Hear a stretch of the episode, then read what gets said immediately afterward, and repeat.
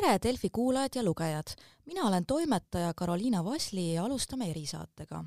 ja täna räägime suvehooajale kohaselt reisimisest ja täpsemalt lennuliiklusest.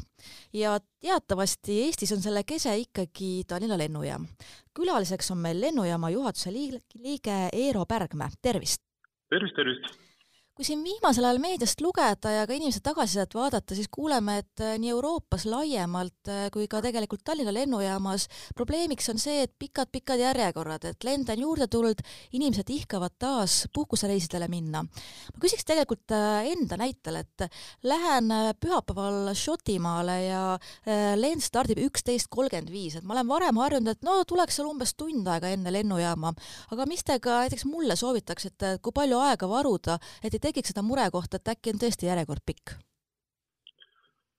eks see taastumine on olnud äh, nüüd väga kiire äh, viimasel kahel kuul, et äh, veel märtsis-aprillis me tegelikult mõtlesime, et ei tea, milline see Ukrainas toimuva sõja mõju võiks olla.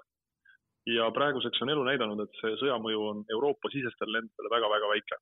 ehk siis kõik liinid toimivad ja inimesed lendavad päris julgelt.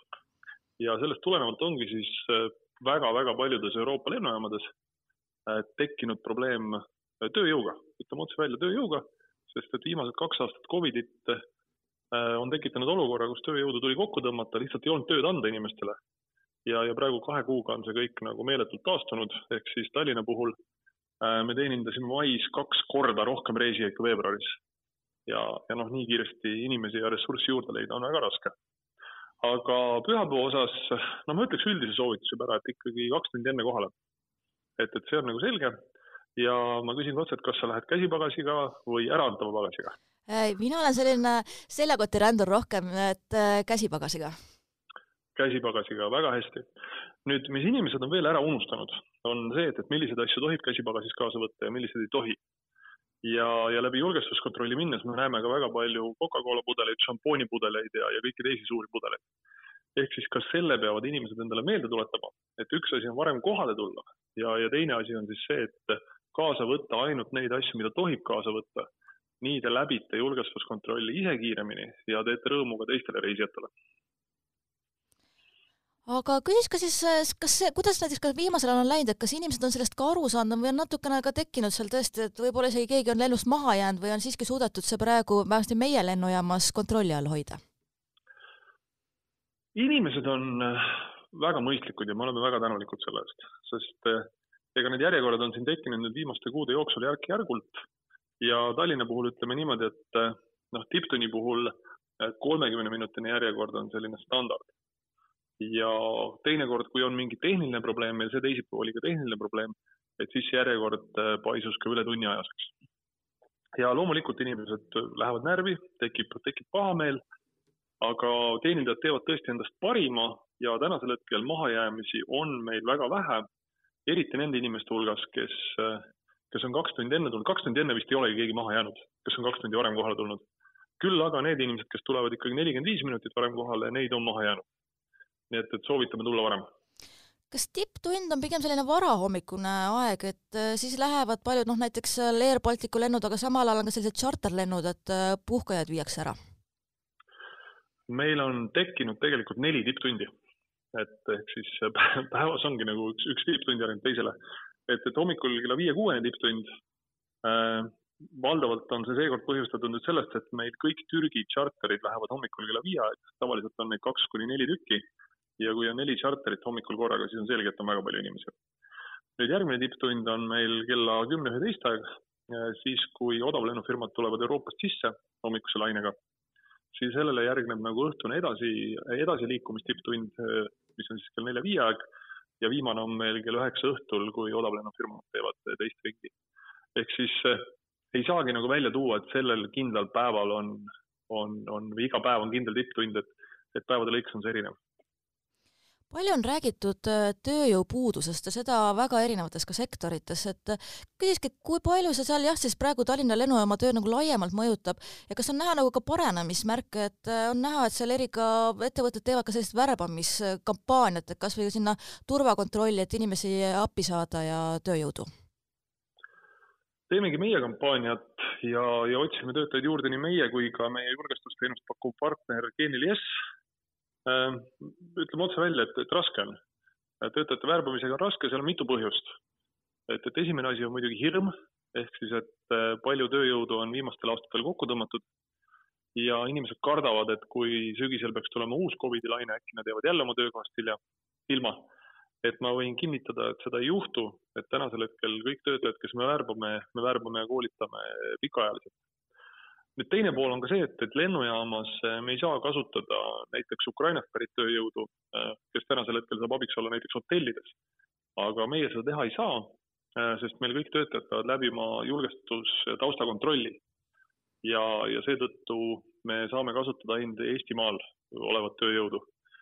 nii et siin on mitu aspekti, mis meil selle tööjõu leidmise nagu raskemaks teeb, samas lennujaam on jätkuvalt väga mainekas tööandja ja, ja me loodame, et see aitab meil ikkagi inimesi leida siin enne juba korra viitsite ka numbritele, et äh, saan aru, et äh, hüppeliselt on siin kasvanud tõesti ka nii lendude kui lennureiside arv, et äh, kui me kerime ka siin ajalinti tagasi, et kas on tõesti võrreldav siin või isegi juba enam kui ütleme koroonaeelsel ajal, ütleme seal kaks tuhat üheksateist suvehooaeg? no sinna on veel kümme protsenti minna, aga see on selline noh, teoreetiline number, et meil on praegu üheksakümmend protsenti kaks tuhat üheksateist mahust, samas tipptunnid on meil mahukamad ehk siis tipptundidel me ületame kaks tuhat üheksateist mahtu. et need lennud lihtsalt ja reisijate arv jaguneb päeva peale natuke teistmoodi. Äh, aga noh, eelmisel aastal samal kuul oli meil viiskümmend neli tuhat reisijat ehk siis üle viie korra vähem. ja üle-eelmine aasta üldse kümme tuhat reisijat. Äh, ehk siis see, see kasv on, noh, me arvasime, et see kasv tuleb, aga see, et ta nii järsult ja nii suur tuleb, et seda me ei osanud ennustada kuidas on ka sihtkohtade arvuga võrreldes varasemaga ja et mis on sellised võib-olla uued, mis võib-olla varem ei arvanudki, et ka Eestis saab otse lennata, on lisandunud? sihtkohtadega ongi kõik väga hästi ja see, see tegelikult ka selle reisijate suure arvu tekitab. ehk siis eh, odavlennufirmad peale Covidi lõppu reageerisid väga aktiivselt ja, ja ka Tallinnas on Ryanair, Wizz Air on, on mõlemad lendamas, Air Baltic on, on kõik oma liinid taastanud Tallinnast ja praegusel hetkel ütleks, et Itaalia on nagu kõige populaarsem sihtkoht, et meil on sinna seitse liini meil ei ole mitte kunagi Itaaliasse sellist äh, reisijate mahtu olnud. ja seda näeb ka sotsiaalmeediast, et äh, varsti ei tunne keegi enam kedagi, kes ei oleks käinud Itaalias aga kuidas on ka lennufirmade poolt olnud tagasiside, et kas täituvused on ka sihuke head, et kui tõesti ka ühte riiki väga-väga palju lende läheb? Täituvused järjest paranevad, et noh, lennufirmade loogika on ka alati selline, et eks talvel on täituvused väiksemad ja, ja suvel on paremad. ehk kui, kui me aasta alguses siin vaatasime, et täituvused olid niimoodi viiskümmend protsenti ja, ja napilt kuuskümmend, siis äh, maikuus me saavutasime juba seitsmekümne protsendise täituvuse ja juunis võrdlemisega tuleb seitsekümmend viis. nii et iga nädal üks protsent juurde kas on ka juba ette teada, et võib-olla mingeid uusi sihtkohti või ka lennufirmasid, kes on võib-olla lähikuudel või siis aasta teises pooles lisandumas? no ütleme niimoodi, et, et võib-olla ma nüüd kõlan liiga ausalt, aga, aga esimese asjana ütleks, et tahaks sellegi mahuga hakkama saada. et, et kui me, kui me saaksime nagu needki reisijad ära teenindatud, mis täna juba plaanis on, siis oleks väga hästi. Äh, suvine lennuplaan on paigas, ehk siis sellel suvel midagi suurt ei lisandu kuigi jah, äh, sellel nädalal alustas Norwegian Airlines näiteks lende Stockholmi, ehk siis nad taastasid liini, mida nad kunagi lendasid, ehk selliseid mõni, mõningaid liine ja tuleb ikka juurde. Ja, ja mõned liinid on ainult suvel, mõned on talvel, noh näiteks suve puhul on meil alati populaarne Malaga ja, ja talvel see asendub Salzburgiga, nii et selliseid vahetusi ikka tuleb. aga tänasel hetkel Tallinnast sellel hooajal circa nelikümmend otsesihtkohta pluss peaaegu kakskümmend erinevat charter-sihtkohta nii et valikut on täitsa piisavalt mainisite ka, et, et saaks ka sellega hakkama, et juba nii palju on äh, sihtkohti, nii palju on lende, lennufirmasid. just äh, mul üks ka tuttav, kes tuli äh, Suurbritanniast, välismaalane, ta küsis mult, et teil on Tallinna lennujaam nii palju lende ja kõike, kuidas ta nii pisikene on. et ma mõtlengi, et kuidas ka nende laienduste edasiste plaanidega, et minnakse edasi nii, nagu ühe omal ajal nagu pandi paika ja et ikkagi suuremaks ehitada, sest on näha, et nõudlus ju aina kasvab. viimasel kahel aastal me oleme nagu tegelenud selle jäämäe vee alusosaga, mis reisijatele väga välja ei paista. me oleme väga palju tegelenud lennurajaga ja, ja parkimiste laiendamisega ja me oleme tegelikult terminali nullkorrusele ehitanud täiesti uue pagasisüsteemi, mida inimesed ei näe, aga, aga mis on meie toimimiseks väga oluline. kahe nädala pärast me tahaks lahti teha iseteenindusliku pagasi loovutamise Air Balticu ja SAS-i reisijatele, ehk inimesed saavad ise oma kohvrit ära anda see vähendab ka survet tööjõuvajadusele. Ja tegelikult me juba projekteerime ka terminali laiendust. ehk selge ta on, et eh, nii, nii väikse, nii väikse majaga me, me igavesti hakkama ei saa võib-olla lugejatele, kes ei ole sellega nii taustaga kursis, et praeguste plaanide järgi, et mil see selline suurem laiendus, mis on ka tõesti siis reisijale käega, õigemini jalaga katsutav, et mil see valmida võiks? no ütleme niimoodi, et see maja on ehitatud kahele koma kuuele miljonile reisijale ja, ja see aasta me selle numbriga teeme jälle. Ja, ja suure tõenäosusega järgmine aasta tuleb Tallinna lennujaamast läbi üle kolme miljoni reisija. ja järgmine etapp, mida me planeerime, on siis nelja poole miljoni reisijani. ja ma arvan, et kui nüüd kõik plaanid lähevad hästi, siis äkki kakskümmend neli, kaks tuhat kakskümmend neli saaks juba kopa maasse lüüa. see ei olegi enam nii mägede taga, aga valmida võiks siis? ma arvan, et ehitus kestab umbes kaks aastat, et etappide kaupa kakskümmend viis, kakskümmend kuus siis äh, võiks laiendused valmis saada.